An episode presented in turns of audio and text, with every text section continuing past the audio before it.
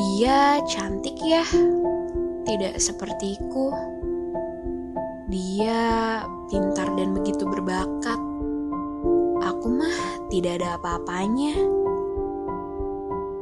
Tunggu kawan, biar ku tanya padamu. Memang kenapa kalau dia cantik? Kenapa kalau dia pintar dan berbakat?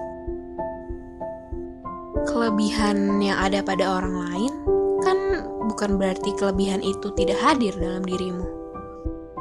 Ia wujud dalam bentuk yang berbeda.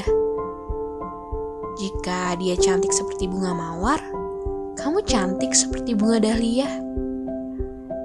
Dia pintar dan berbakat dalam bidangnya sendiri, kamu pun pintar dan berbakat dalam bidang yang kamu minati. Mengapa kita punya hobi membanding-bandingkan diri dengan orang lain? Membanding-bandingkan siapa yang terpaling. Namun, bukankah sudah jelas jawabnya?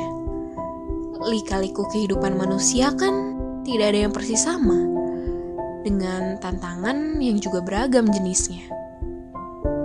Layaknya membandingkan mana yang lebih enak, antara es krim coklat dengan bubur ayam. Jelas berbeda kan? Tapi bukankah dua-duanya sama-sama enak?